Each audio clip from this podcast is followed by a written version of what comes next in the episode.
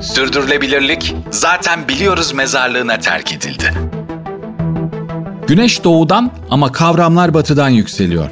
İlk duyduğumuzda cazibesine kapılıyor, kullanmaya başlıyor ama bir süre sonra daha önce etkilendiklerimiz ve vazgeçtiklerimiz gibi cazibesini yitiriyor.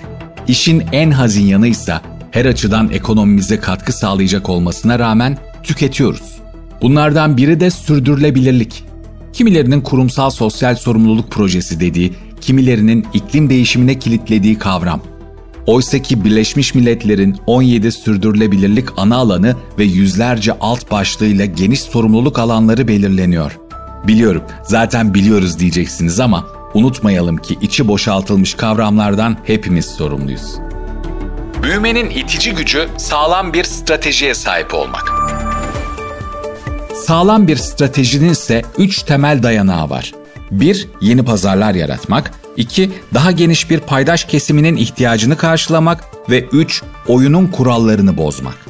Çok değil, daha 10 yıl önceye kadar bu üçlüyü barındıran strateji şirketlerin büyümesi için yeter de artardı bile ama oyunun kurallarını büyüme karşısındaki şirketler değiştiremeden toplumun beklentileri bozdu. Peki nasıl düzelteceğiz? Amaçla. Ekonomik büyümenin teminatı 3 temel unsura şimdilerde amaç da itici güç olarak ekleniyor. Toplumlar başta küresel şirketler olmak üzere iş dünyasını epeydir toplumsal, çevresel ve ekonomik sorunların kaynağı olarak görüyor. İçten içe köpüren bir başka kızgınlıksa küresel kaynakları tüketiyor olma pahasına iş dünyasının karlılık iştahının giderek artması. Sonuç şirketler ne kadar karlı ve güçlü olursa olsun çok önem verdikleri itibar toplum nezdinde giderek daha çok zarar görüyor. Çok değil, 10 yıl önce bazı şirketler işlerini daha verimli kılmak, tasarruf ederek daha çok kar etmek için alışılmışın dışında bir yola girdiler. O günlerde değeri pek anlaşılmasa da vazgeçmediler. Aslında bu şirketlerin fark ettikleri bir başka şey daha doğal kaynakların tükenebileceğiydi. Yeni bir kapitalist düzen ihtiyacının seslendirilmesi ya da paydaş kapitalizmi söylemleri işte bu farkındalıkla birlikte yükselmeye başladı.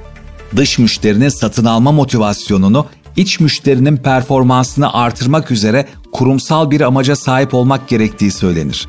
Ancak bu söylem insan kaynakları departmanının ikincil hatta üçüncül aktivitelerinden biri ya da kurumsal iletişimin sosyal sorumluluk projesi olma bariyerine bir türlü aşamadı. Yapılan araştırmalar amaçtan giderek sıklıkla söz ediyor olmamıza rağmen hala daha çok kazanmak için bir yönetim aracı olduğu inancının devam ettiğini gösteriyor.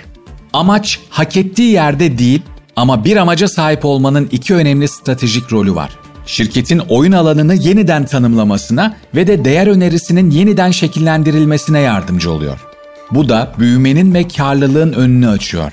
Kanaatim odur ki içini doldurmadan dile pelesenk olan ve ne yazık ki iş dünyasında mundar edilen kavramlardan biri de sürdürülebilirlik.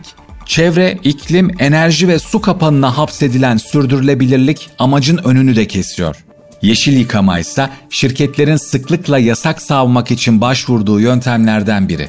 İşin çok ilginç bir yönü daha var. Ne zaman daha çok şirket sürdürülebilirlik amaç dediğinde toplumun beklentisi de huzursuzluğu da artıyor.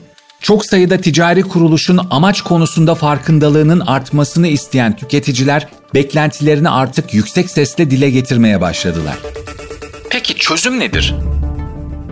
Uzlaşmacı bir tavır olarak ortaya konan, toplumsal ve ekonomik gelişim arasındaki bağlantıya odaklanan ortak değer kavramı bırakın şirketleri, küresel ekonomiyi, büyümeyi tetikleyecek güce sahip.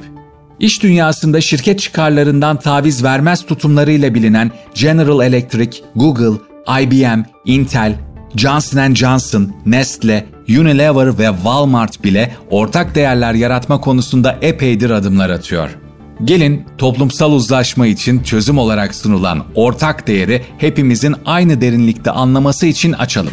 Ortak değer, kaynakları şirket karlılığı için ürüne dönüştürürken tüm süreçlerde en verimli sonuçları alabilecek teknolojileri kullanmak ve çevreye duyarlı olmak. Bütün bunları yaparken hem yerel insan kaynağının eğitilmesine hem de bölgenin kalkınmasına koşulsuz katkı sağlamak. Ayrıca tedarikçisini öldürme pahasına düşük fiyat veren, daha ucuz insan kaynağı diyerek üretim tesislerini dünyanın en doğusuna taşıyan ve karbon salınımına aldırmadan bir yarım küreden diğerine satış stratejisi yapmak da şirketlerin acilen unutması gereken aksiyonlar. Şirketler kendi değerler sistemini dayatırken toplumların değer yargıları bir başka biçime evriliyor. Üstelik bir de önce ben diyen şirket yönetimleri toplumla aralarındaki çatlağı yarığa dönüştürüyor. Ortak değer yaratmanın 3 yolu var. Ürün ve pazarları yeniden tasarlamak, değer zincirindeki verimliliği yeniden tanımlamak ve yerel toplumun gelişimine olanak sağlayarak destek vermek. Formül basit. Benim bu anlatılardan anladığım insani ihtiyaçları karşıla ama toplumsal ihtiyaçları göz ardı etme ve bütün bunları yaparken doğaya da saygı duy.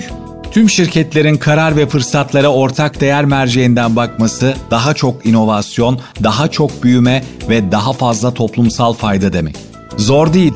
İlk adımı atanları herkes alkışlıyor, tüketicileri ise ödüllendiriyor.